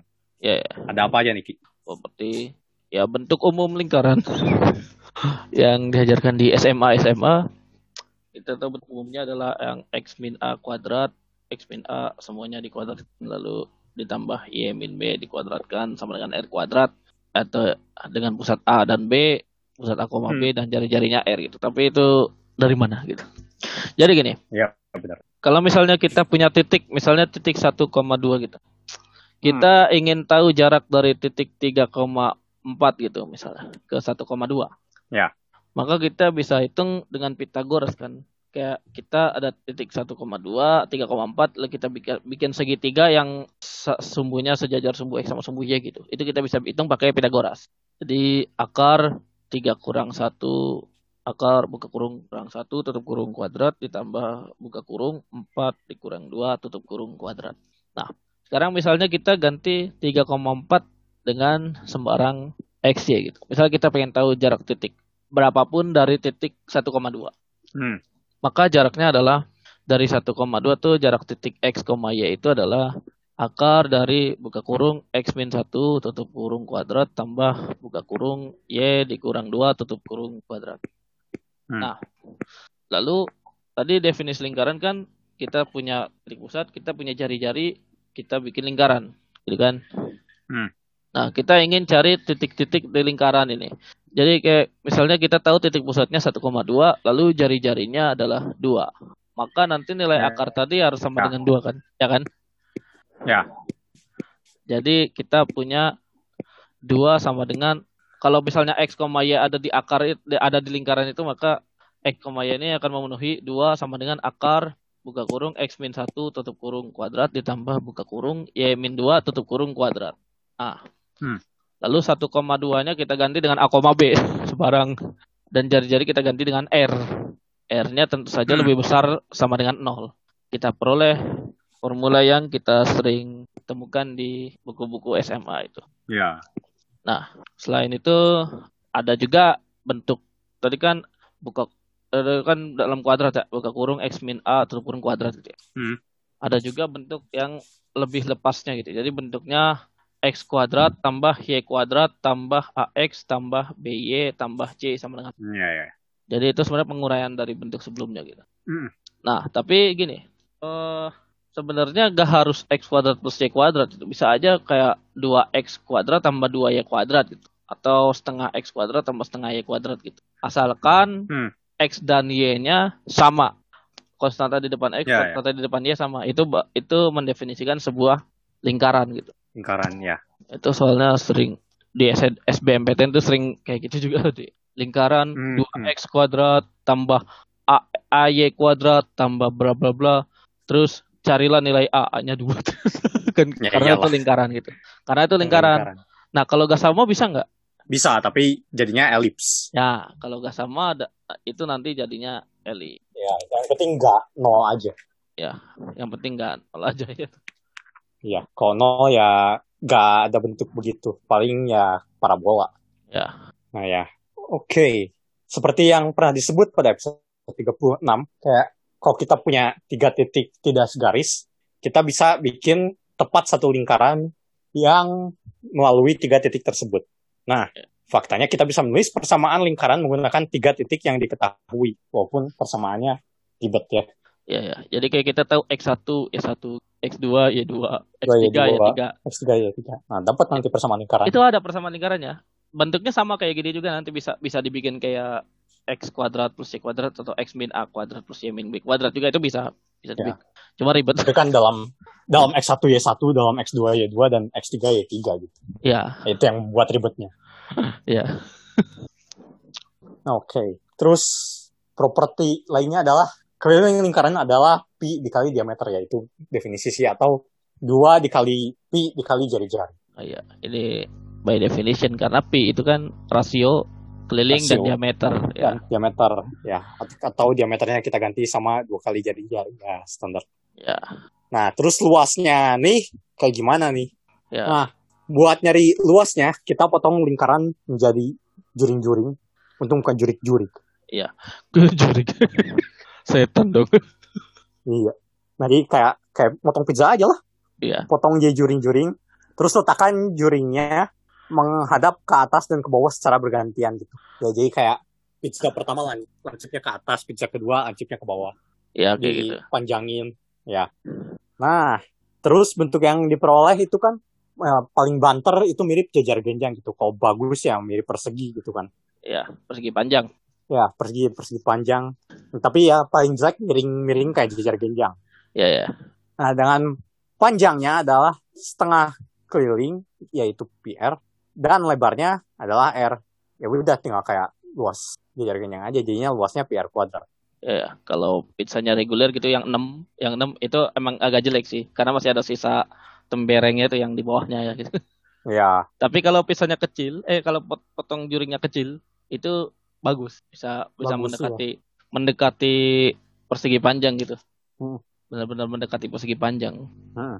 Kalau potongnya kecil, itu ini adalah eh, apa se- sebenarnya semacam sketsa bukti yang sering dituliskan di buku-buku S- SMP gitu kan. ya, ya. Atau kalau kalau bukti yang rigornya tuh pakai apa? Apa pakai kalkulus apa pakai Kayaknya pakai kalkulus. tapi kayak sebenarnya kayak kalau pakai kalkulus apa sebenarnya itu dide- pi- didefinisikan oleh luas atau luas yang didefinisikan oleh pi? Ya kan integral itu adalah luas di bawah kurva. Ya udah. Nah, terus nih kan yang jadi perbincangan orang-orang tuh. Emang kalau lingkaran tuh ada sisi enggak sih? Kalau ada berapa banyak? Terus kok ada titik sudut enggak? Kalau ada berapa sudut? Nah, ada nggak Ki sisi lingkaran atau sudut lingkaran? Ah ini ini menarik ini. Kalau gue inget dulu pas gue main The Sims ya, The Sims apa? The Sims di HP Engage gitu. Oh. Itu minjem HP Om juga sih. Om yang tadi. itu Halo Om. halo. Jadi ada pertanyaan gitu. Jadi uh, si karakter The Sims ini kayak masuk ke bawah tanah terus nanya sama Jin gitu. Ketemu Jin gitu. Terus sama Jin dikasih tantangan apa? Tantangannya gini, bunyinya pertanyaan gitu. Apa? Bunyinya kayak gini. Uh, how many sides do a circle have? Jawaban pilihan jawabannya adalah satu, dua, tiga ratus enam puluh apa infinity gitu. Hmm. Nah, kira-kira jawabannya berapa kalau di game itu? Berapa? Jawabannya hmm. dua. Jawabannya dua. Oh dua. Karena the circle have two sides, inside and outside.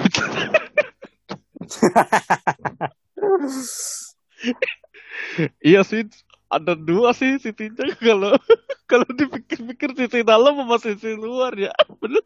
Oke. Okay.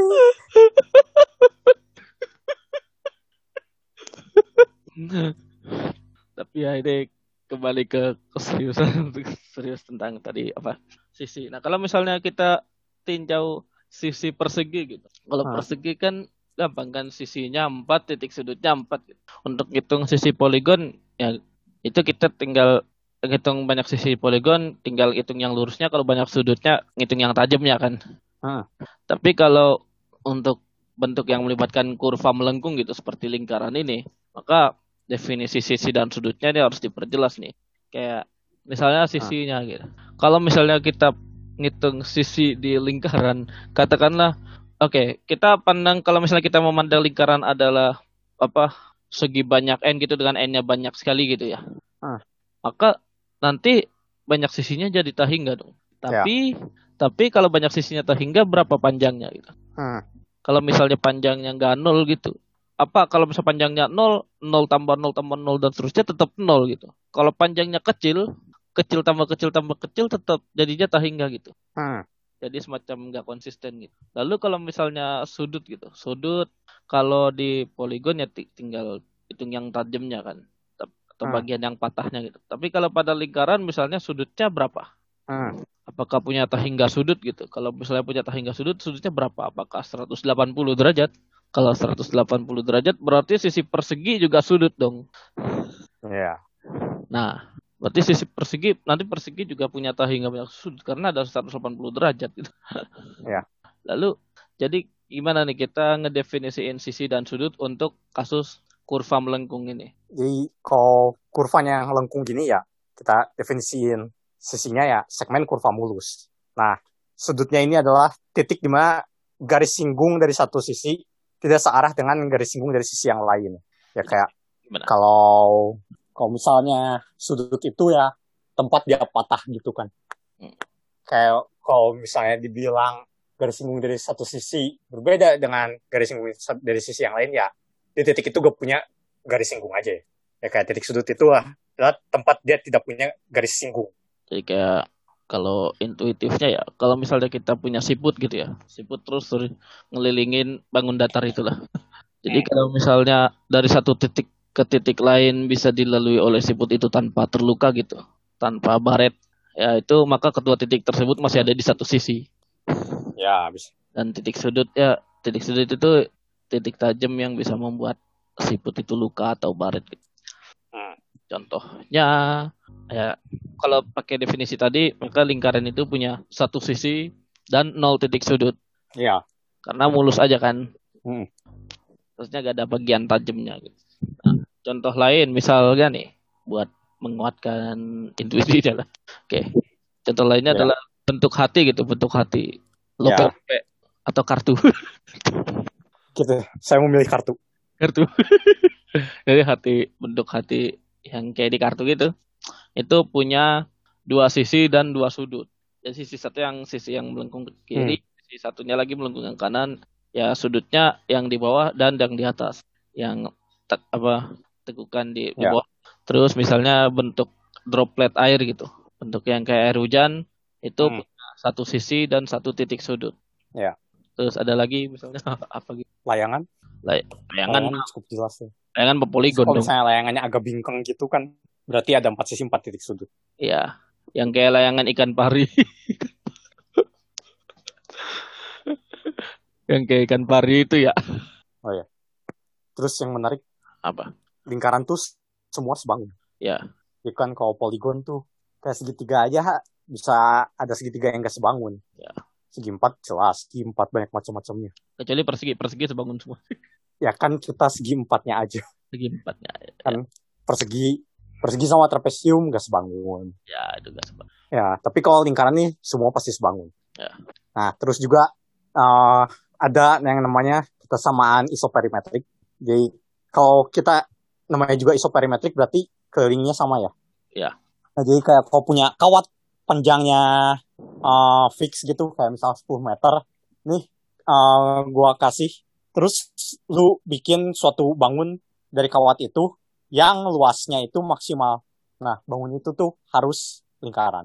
Ya, jadi yang bikin luasnya maksim luas bangun datar maksimal kalau kelilingnya udah fix itu lingkaran ya. Sebenarnya umumnya mungkin konf- pasti bangunnya konveks dulu kalau gak konveks. Konveks itu maksudnya berarti kayak semua titik bisa dilewatin. Semua dua di antara dua titik tuh bisa diambil satu garis yang ada di bangun itu.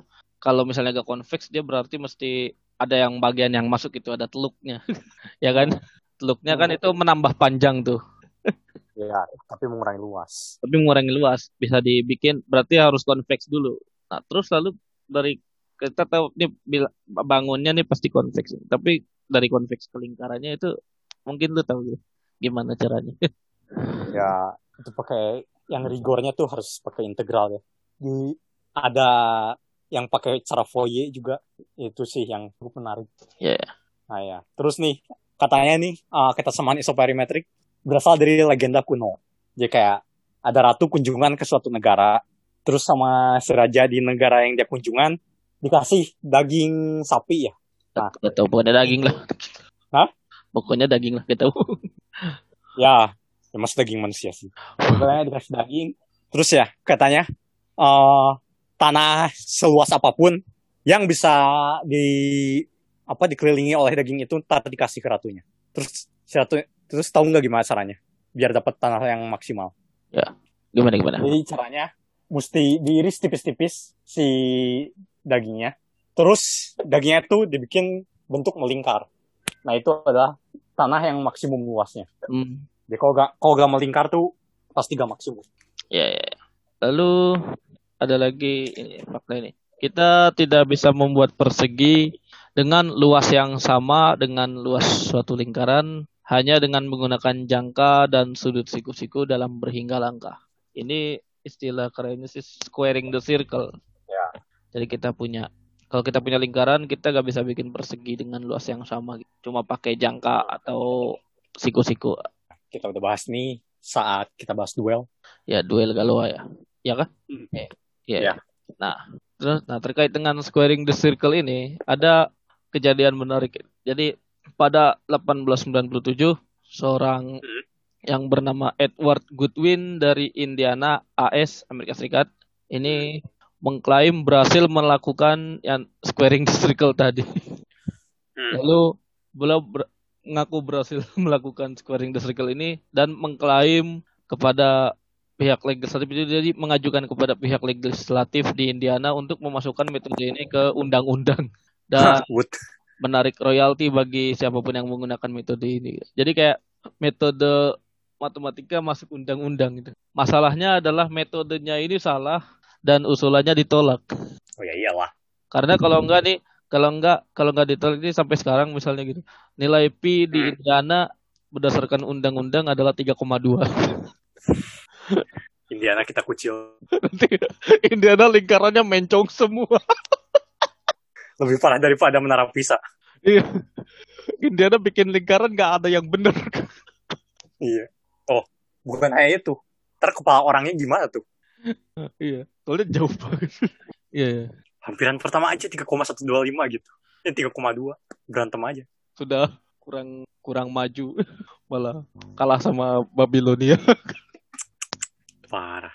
Nah, nah lalu apa lagi nih fakta menarik ya nih? Oh iya.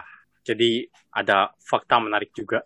Lingkaran adalah salah satu bangun datar yang kalau ada lubang dan penutup dengan bentuk tersebut ya penutupnya diputar-putar juga segitu-gitu aja gak akan jatuh-jatuh. Ya, Gak ada gak akan ada lubangnya kan. ya. Jadi ini kayak cocok untuk saluran air gitu. Iya. Bentuknya lingkaran, eh, penutupnya mau kecuali dipaksa ya. Oh. Tapi kalau secara natural nggak bakalan jatuh ke tutupnya tuh nggak bakalan jatuh ke lubangnya gitu. Hmm. Nah, kalau persegi masih bisa jatuh ya. Ya, kalau kita Kalau gimana nih? masukkan tutupnya sejajar dengan diagonal lubang. Ya, Ya. iya. Ya biasa bisa jatuh. Nah, nggak sebenarnya nggak cuma lingkaran sih ya bentuk yang model-model gini, yang nggak tutup, nggak jatuh ke lubangnya. Ada yang namanya bentuk Rolox, Ru- rulo apa? Ya. R E U L E A U X. Ini bentuk-bentuk yang kalau misalnya dijadiin saluran penutup air ya itu nggak bakalan jatuh ke Masih lubang. bisa. Hmm. Itu ada banyak variannya, ada segitiga, ada yang segi lima, segi N ganjil. Tapi yang terkenalnya yang segitiganya ya. Ya, itu bisa dicari aja lah bentuknya. Bentuknya emang agak bundar sih. Kayak ini ya. Kalau segitiga mas segitiga di geometri bola ya. Mungkin ya. Karena sudutnya lebih dari 90 derajat kan. Ya, ya, ya. Kayak kayak gitu. Iya. Terus ini ya kalau di catatan kita, tapi kayaknya saya masih ada beberapa fakta lagi. Saya juga masih ada tambahan. Oke. Jadi kita bisa ngitung akar suatu bilangan pakai lingkaran. Tahu gak? Ya. Ah, ya, ini yang di number file sih sebenarnya. Jadi kayak misalnya kita mau ngitung akar katakanlah 25 gitu. Akar 25 berapa gitu. Kita pura-pura aja gak tahu gitu. Pura-pura gak tahu ya. Lalu kita bikin sumbu X saja. Dari 0 sampai Hmm. 20. Kita bikin sumbu X. Nah, Hmm. Lalu 25 ki- kita kan pengen tahu akar 25 ya. Lalu 25 itu ditambah 1 lalu dibagi 2. Hmm. Jadi dua- Hmm. dibagi 2 13 kan? Ya. Nah, 13 ini bikin jari-jari di X sama dengan 13. Eh, bikin lingkaran yang jari-jarinya 13 dan di X 13. Di X sama dengan 13 gitu. Ya. Jadi dia menyinggung sumbu Y. Ah. Nah, kita bikin lingkaran itu, lalu kita bikin garis lurus yang sejajar sumbu Y alias tegak lurus dengan sumbu X di X sama dengan 25. Ya. Oke. Nah, lalu titik dari X sama dengan 25 ke lingkaran itu adalah akarnya. Oh ya benar-benar. Benar kan? Ya, ya benar. Kalau misalnya yang kita pengen cari adalah genap berarti kan misalnya 16 itu. Itu satu itu angka fix itu, satu itu angka fix. Jadi kalau misalnya kita cari genap gitu misalnya 16 gitu. 16 tambah 1 kan Hmm. 13 bagi 2 8 setengah ya. Nah. 8 setengah. Kita bikin bikin lingkarannya bikin gitu. lingkaran di X sama dengan 8 setengah gitu. Jadi jadinya delapan setengah juga. ya jari-jari 8 setengah. Jadi bikin lingkaran di X sama dengan 8 setengah terus jari-jari 8 setengah. Lalu tarik garis dari X sama dengan 16 ke lingkaran. Tarik garis yang tegak lurus sumbu X. Itu garis segmen garis itu akar 16. Hmm. hmm. Ini bisa dibuktikan pakai Pythagoras atau kesebangunan. Ya, ya. Bisa buat latihan lah. Terus kalau akarnya negatif gimana? Udah gak usah ngadi-ngadi. Oh. Lan- lanjutkan jalan heron. Typo. Typo saja itu. Iya dong. Nanti akar dari akar dari, akar min satu bikin lingkaran di min satu lah. Gak usah ngadi-ngadi. Jari-jari min satu. Jadi min Masuk. satu.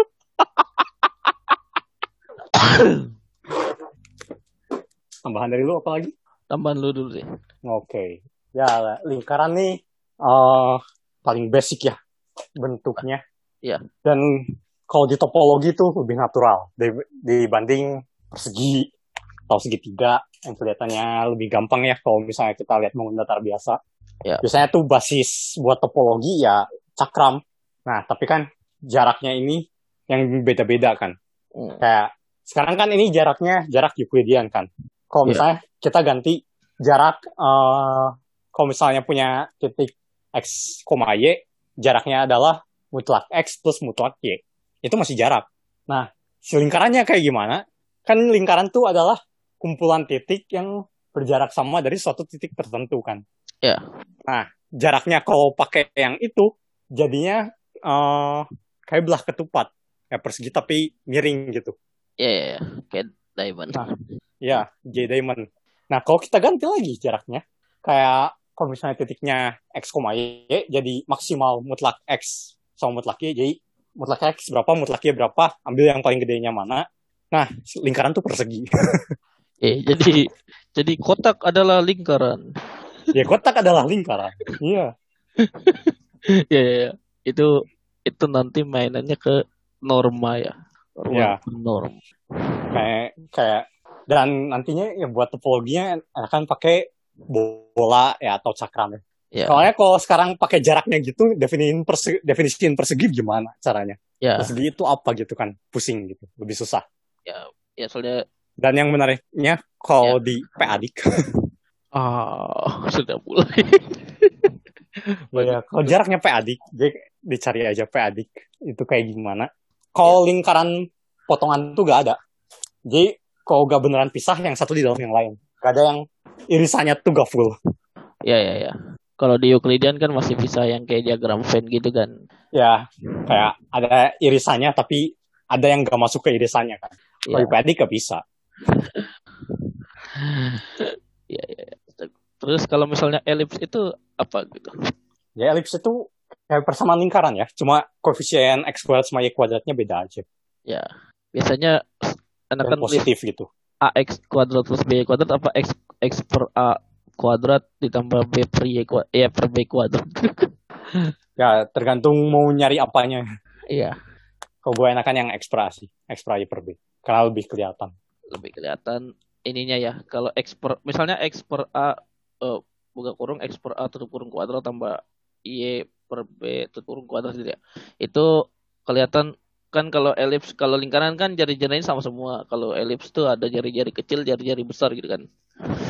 Ya. Nah, itu kelihatan itu jari-jari kecil, jari-jari besarnya yang mana. Ya. Ah, terus ada fakta menarik lagi sebenarnya Apa? kaitan dengan pi. Jadi kan pi itu adalah eh, nilai eksaknya 3,1415992 gitu kan. Ya. Terus kalau kita hitung di kalkulator 22 per 7 itu sama dengan 3,142857 kan. Ya. Berarti 22 per 7 lebih besar daripada pi gitu. Hmm.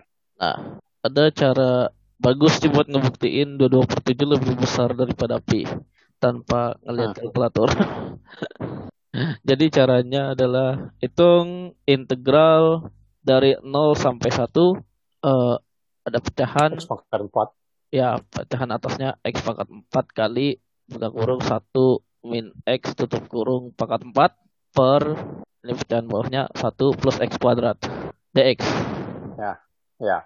Nah, ini kalau de Nah. belajar kalkulus sampai kalkulus bab 7 apa bab 8 itu bisa itu. Ha-ha. Nah, ini kalau dihitung akan sama dengan 22 per 7 dikurang pi. Hmm. Tapi dari mana kita tahu 22 per 7 dikurang pi ini lebih besar dari 0 gitu? Ya, karena kita mengintegralkan fungsi non negatif ya. Positif malah. Ya, itu kan positif semua kan. X pangkat 4 kali 1 Ya, kecuali pangkat di 0 dan satunya kan positif semua. Iya. Per 1 per x kuadrat itu kan fungsinya positif semua. Hmm. Jadi nilai integralnya harus lebih besar dari 0. Positif. Ya. Nah, itu tuh dari integral itu menarik. Kalau kita ngeklaimnya 22 per 7 sama dengan pi, ya satu sama dengan 0. Gimana gimana? Kalau kita bilang 22 per 7 sama dengan pi, satu sama dengan 0. Kenapa? Ya, kalau 22 per 7 sama dengan pi, kan berarti integralnya 0 ya. Iya. Sementara menurut teorema nilai rata-rata buat integral, par itu sama dengan yang di dalamnya itu kan. Dibagi satu, ya berarti di dalamnya aja kan. F1 sama min F0 gitu ya. Eh, enggak, F1 min F0. FC, C-nya antara 0 dan 1. Oh, FCC Kan pakai teorema. Iya, Nah, iya. nah, FC sama dengan 0 kan nggak mungkin. Ya udah berarti 1 sama dengan 0. Iya, iya, iya. Nah, terus yang lain mengenai pi nih suka jadi jokes, inside jokes buat anak pure mathematics buat orang engineering. Orang engineering menulis pi sama dengan S sama dengan 3. Kay- Kayaknya engineering gak segitu segitu amat dah. Kayaknya P, P, P3,14 tuh masih beralasan gitu. Iya, iya. ya kan namanya juga joke. Iya. P sama dengan E sama dengan akar G. Sama- Bisa sama dengan 3. Berarti. Oke, tambahan lain dari lu? Apa ya? Kayaknya sih. Kalau dari Iya. Lalu Gue juga sama. Udah. Oke, habis ini ada kita ada pengumuman penting sih. Kita ada pengumuman penting, boh. Kayaknya kayaknya kayaknya ini episode bakalan kita biarin panjang aja gak kita bagi ke per part-part gitu. Dan ya mungkin kita bakal break kira-kira 2 sampai 3 minggu lah karena saya pengen ngebenerin apa yang belum bener. Tapi di lain itu ke karena mungkin kayak kita baru muncul lagi kayak pas tahun depan gitu Heeh. kayak ini gue pengen ngajak refleksi aja gitu di tahun 2000 kayak gue ngerasa tahun 2000 Ijat di mana refleksinya? ah di Delta Spa Oke. saya sudah tahu arahnya ke situ tapi kayak 2020 ini kayak setelah kayak kalau biasanya kita pengen ngeraih ini ngeraih ini ngeraih ini kayaknya di tahun 2020 ini kayak kita diajarin buat apa bersyukur apa sama apa yang kita punya gitu Heeh. Dan gue ngerasa kayak di tahun 2020 ini kayak kita ngemulai project ini apa podcast bebas linear ini dari kapan ya Februari ya awal Februari Ya, Februari ya. Februari awal kita pengen bahas matematika karena gue ngerasa kayak podcast yang bahas matematika masih belum banyak gitu. kayaknya baru Hmm. ngotik, ngotik doang yang lumayan jadi remarkable waktu itu Hmm. ngobrol matematika nih kapan-kapan kalau mau collab slide itu di DM lah kalau denger cuma Ayo ya denger denger. kalau dengar atau mungkin suatu saat bisa kayak gua yang lebih ak- gua gua pengen gitu lebih aktif cuman nggak lagi nggak bisa lagi kalau misalnya gua udah lebih less apa sih kesibukan mungkin ini Hmm. dan apa ya gua ngelihat respon an- terutama anak-anak mungkin anak-anak matematika kita sendiri lu dapat respon kayak gimana dah?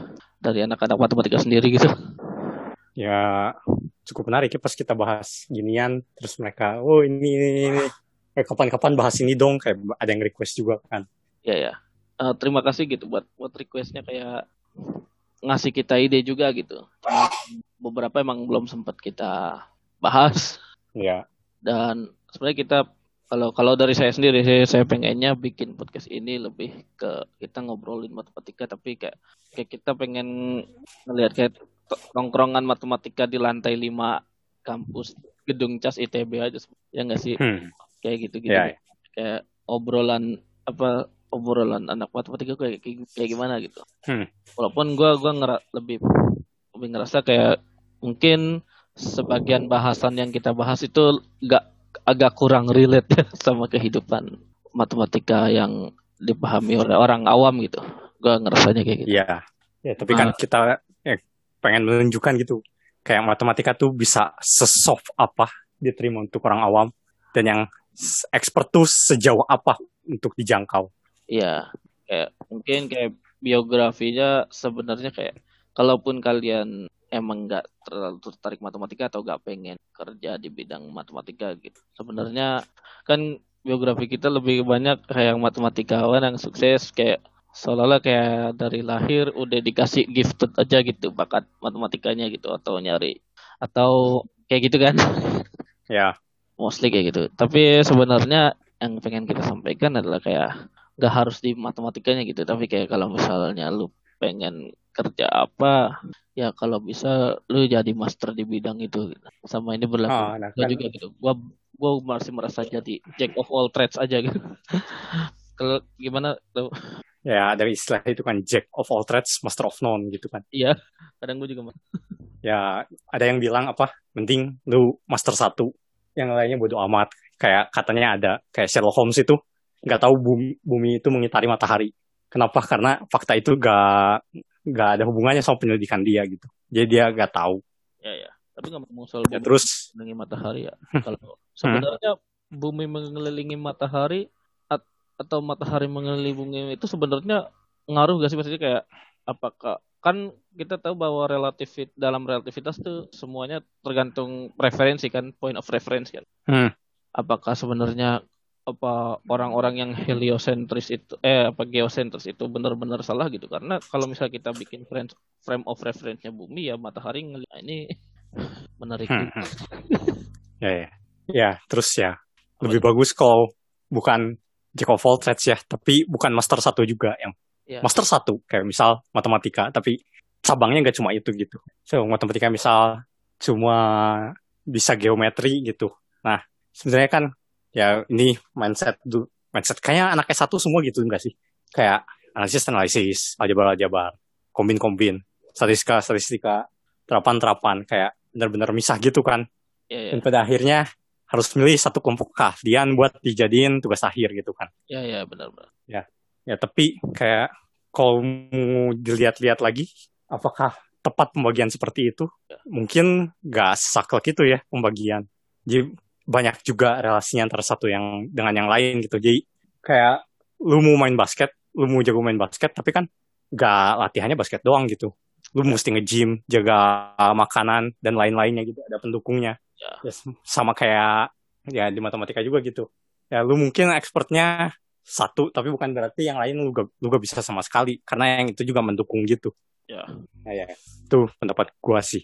Nah terus refleksi 2020 kan tadi kata lu ada impian yang ya 2020 resolusinya akan melakukan bla bla bla bla bla gagal. Ya. Kalau gua merasa ada yang kebalik gitu. Yaitu di seminar research kan. Kalau misalnya gue sekarang kan hitungannya cuma lulusan S1 gitu. Sementara kalau seminar research tuh bener-bener yang diundang aslinya tuh kalau gak anak PhD ya pasti researchernya. Kalau misalnya offline ya. Iya. Sekarang dengan online ini gue bebas masuk itu tanpa batasan gitu. Orang-orang nggak tahu kayak gue cuma lulusan S1 terus ya masuk masuk aja. Terus kayak waktu itu dibilang gue satu hari seminar di tiga negara yang gak mungkin offline. Selain ya selain online gak mungkin gitu. Hmm. Ya itu Ya dia kayak dan bersyukur sama yang itu punya juga. Hah, bersyukur apa yang dipunya. Itu jauh gitu. Jadi mungkin kan ada orang bilang, aduh saya takut misal belajar ini, ini ketinggian buat saya. Aduh saya takut ikut seminar ini, nanti gak ngerti apa-apa. Ya, ma- bahkan matematikawannya aja gak mungkin ngerti 100% gitu. Oh ikut seminar. Kan cuma kasarannya aja gitu. Gak mungkin ngerti detailnya 100%. Jadi ikut, ikut aja dan sebaliknya gitu. Pas pertama ikut tuh, ya emang banyakkan blank gitu. Sering ikut tuh malah kebiasa gitu malah yang tadinya kayak gak mungkin kecapai, hajar aja dulu. Eh, malah kecapai gitu. Dengan sendirinya ya, dalam tanda petik dengan sendirinya. Oke. Terus soal podcast ini tahu. Gua merasa apa ya? Kita udah 40 episode nih termasuk sama yang sekarang atau 41 kalau ngitung yang lima setengah juga. Hmm. Dan ya gua ya gak munafik gitu. Gua pengen apa achieve something bigger juga gitu. Gua pengen podcast ini bisa dikenal orang juga gitu, dikenal banyak orang juga. Ya, Hmm. tapi mungkin ya, tahun ini kalau kita, kita lihat kayaknya kayaknya kemarin saya lihat view-nya udah berapaan ya? Ini ra- ratusan sa- kayaknya udah ribuan sih kalau salah. Kalau nggak salah. Hmm, Terima kasih buat yang Terima kasih. mendengar. Terima kasih. Dan juga dan ya Followers di Spotify berapa?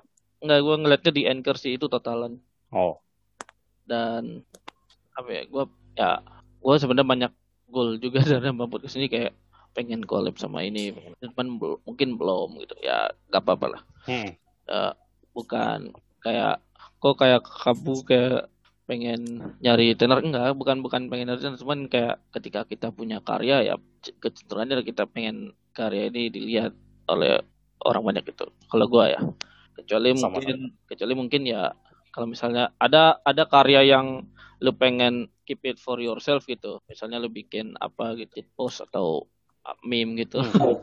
atau bikin apa bikin puisi yang bikin mungkin cuma pengen lu doang yang tahu ada juga yang pengen lu tampilin ke orang banyak ya ini podcast ini salah satunya yang gua pengen tampilin ke orang banyak ya Hmm. hanya kita kemarin ikut apa podcast speech box to box itu walaupun belum Hmm. berhasil ya nggak apa-apa lah. mungkin tahun depan kalau ada lagi kita bisa ini kalau nah untuk tahun ini kayak ekspektasi saya sebenarnya gue gua ini melebihi ekspektasi gue sih. Soalnya kayak gue udah kebayang gitu kayak bisa upload seminggu seminggu gitu. Gue kebayangnya tuh pertama kali tuh upload apa dua minggu sekali gitu. Ternyata banyak ide yang muncul dan oke kita dan ternyata Lawrence-nya menyanggupi gitu. Hmm. hingga akhirnya pada saat ini gue harus mungkin ngebenerin apa yang belum bener untuk saat ini. Jadi gue memutuskan buat kita ngambil break dulu. Ini kita season 1 mungkin kalau tahun depan kita ketemu lagi kita itu season 2 Hmm. Dan kalau di favorit lu season 1 nih lu yang bahas, waktu bahas apa nih Yang bahas matem Indo versus matem di luar. iya itu yang itu ya itu Ya, karena cukup menarik itu melihat perbedaan kultur yang mungkin sebelumnya gak kelihatan. Oh ternyata setelah digali-gali beda banget gitu. ya ya itu kita malah cuma bahas antara apa ambil satu negara paling satu ya padahal Ya. bisa jadi di satu negara aja bisa beda-beda Ya mungkin kayak kulturnya kita ngambil yang paling terkenal kan Rusia, Saint Petersburg. Hmm. Ya padahal mungkin mungkin di di satu kampus kulturnya beda-beda gitu. Tapi ya itu diskursus menarik juga gitu ngebandingin seberapa jauhnya atau seberapa dekat mungkin eh, ya pendidikan matematika kita gitu. Hmm. Kalau saya pribadi ya apa ya yang paling menarik itu bahas wak- John Conway, yang bahas John Conway. oh ya Itu serunya lebih ke contoh yang contoh-contoh ininya apa penemuan-penemuannya itu itu menarik gitu kayak Iya. sebenarnya banyak hal yang beliau temukan yang ternyata menarik untuk Hmm. sama tapi kayak kalau episode yang paling gue suka itu tapi ide yang gue seneng yang lu nyanggupin juga buat munculin adalah matematikawan di bawah radar Ya, ya. karena ya kalau kita bilang matematikawan kayak kesannya tuh yang sekitaran SMA aja gitu ya Ya. yang orang-orang awam tahu ya kalau di level universitas ya berarti yang di kuliah itu pun jarang yang nyentuh matematikawan modern yang abad 20 abad 21 gitu Ya, ya. ya gue seneng apa karena kita bisa ngasih tahu lah walaupun mungkin penemuannya kita gak bahas secara detail kayak ada nih nih orang gitu kehidupannya kayak gimana sih kayak menurut gue cukup menarik menarik ya ada yang dari ngongon bebek ada yang mau seminar naik sepeda dulu dan lain sebagainya gitu kayak ada untold story Ya, lebih ke balik kisah-kisah matematika Ya. Iya. Nah, Kita lebih ke untold story-nya gitu. Kalau matematikanya mungkin kayak kita cuma ngerti sepersekiannya aja gitu. iya Matematika Kayak, waduh, itu dikerjainnya. expert banget ya Ya. Makanya kita yang ngegali podcastnya di di untold story-nya sebetulnya. Dan kita juga kayak banyak bahas soal lomba-lomba di sini gitu. Hmm. Ya bukannya sombong karena kita sering ikut lomba atau apa, tapi emang kayak kan tadi kita jelaskan konsep podcast kita emang tongkrongan, tapi tongkrongan anak matematika gitu. Selebihnya kayak kita pengen apa ya?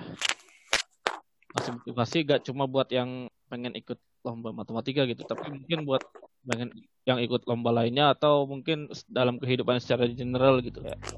ya benar Kayak walaupun kayak gua gitu, gua kayak pas SMA biasa aja gitu kalau di lom di lomba-lombaan gitu. Kayak Lawrence juga ya kayak kayaknya gak pernah lolos yang provinsi kan. ya Tapi di pas di kuliah kita bisa lolos sampai ke yang internasional gitu. Dan Mm-mm. kalau misalnya kayak ah itu kan karena kalian ITB gitu. Tuh yang di ITB juga ada yang masih anak tingkat satu, tingkat TPB gitu lang- masih langsung masuk gitu. Padahal Mm-mm. ma- apa kuliahnya tuh beda gitu apa sama yang walaupun al- anak pelatnas gitu tapi kan apa kuliahnya eh, materinya beda gitu. Materinya tuh yang yang masih satu tahun kuliah aja udah bisa gitu katakanlah jadi menang MIPA gitu atau lulus lolos ke internasional gitu. Iya. Ya itu lebih ke motivasi nggak harus dalam lomba tapi dari dalam kehidupan apa pun gitu. Ah, ya terus kalau misalnya bilang ya karena anak ITB ya sebetulnya nggak setinggi itu ya kita dapat fasilitas. Nah, karena kita anak ITB dosennya bagus-bagus ngajarinya gimana yang enggak juga ternyata malah lebih banyak kita belajar sendiri gitu ya.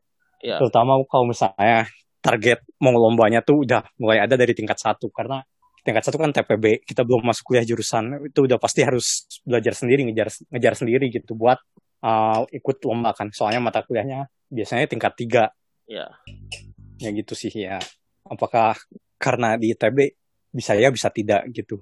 Ya kita kenapa tidak bisa yahnya sih. karena hmm, karena bener lingkungan tuh ngaruhnya banyak ya banyak banget. Ya kayak lingkungannya lebih ambis jadi kita terpaksa jadi ambis juga. ya kita terpacu juga Ya kita gak Terus ngedinai bisa- itu. iya Terus apa? terus kayak lingkungannya lebih san ya lebih ambis tapi ada bagian yang santainya jadi ikut ke bawah santai juga kan jadinya kayak nerf pas lombanya tuh menurun juga kan Ya dibanding kalau misalnya sekeliling kita tegang-tegang-tegang semua wah udah itu kitanya juga makin tegang lagi ya ya. Kayaknya gue yang kalau tiap ikut lomba paling tegang tuh gue deh. Di antara anak-anak. bisa jadi. Ada anak-anak yang lain. Ya. Terus lagi ya. Oh ini kesan mungkin ada yang mau diperbaiki nggak dari podcast ini misalnya? Dari sejauh 40 episode kita berjalan gitu. Sekarang kan kita gini ya apa pakai zoom. Iya, mungkin kayak susah juga mau lihat siapa yang ngomong. Siapa yang ngomong duluan. Ya ya ini ini susah sih. emang. Itu susah terus paling mungkin konten yang lebih fresh ya kalau misalnya tahun depan masih lanjut Gue pengen bikin ini apa kayak gue kalau gue lebih pengen kayak konten yang lebih fresh ya tadi dan lebih relate gitu sama mat- matematika yang dikenal orang awam gitu. Gue pengen kayak gitu. Hmm. yang mungkin bahasanya nggak terlalu ketinggian. Kalau kalau Hmm. Sudah bahas PADIK saya saya diam sudah. Sorry lah. Carilah PKK PKK. Ibu-ibu PKK. Enggak maksudnya kayak apa ya? Ya sekali sesekali Ya, kita ya. bahas bahas hard stuff gak apa-apa gitu. Cuman Ya. mungkin kalau buat showcase ke penonton eh penonton pendengar yang awam kita ya perbanyak konten yang mungkin bisa lebih relate ke orang awam mungkin ini juga salah satunya gitu Ya, ya. Ini mungkin karena lingkaran kan banyak yang orang udah tahu terus karena kita akan memberikan ke- ya mungkin kalian perlu rekomendasi episode-episode yang terdahulu. Ya kalian bisa dengarkan episode-episode yang terdahulu gitu. Mungkin kalian bisa skip. Ah ini juga nih. Saya agak bingung nih. Karena jarang kita jarang dapat feedback soal apa pun ya kayaknya dari pendengar gitu. Iya. ya kalau misalnya itu aja dong. kasih feedback apa di, di DM aja di Twitter @bebaslinear gitu. Ya atau kalau misalnya ada yang kenal secara personal ke kita ya hubungi lewat media yang kalian tahu. Ya hubungi lewat saya, kayak misalnya ada yang temenan di Facebook silahkan lewat Facebook. Eh, di ada yang tahu di Line silahkan lewat Line. Ya terus ya kita butuh feedback juga kayak. Mungkin ya, gue gak tahu apakah kita ya gimana? Ya apakah konten kita sudah sesuai gitu dengan apa yang diharapkan?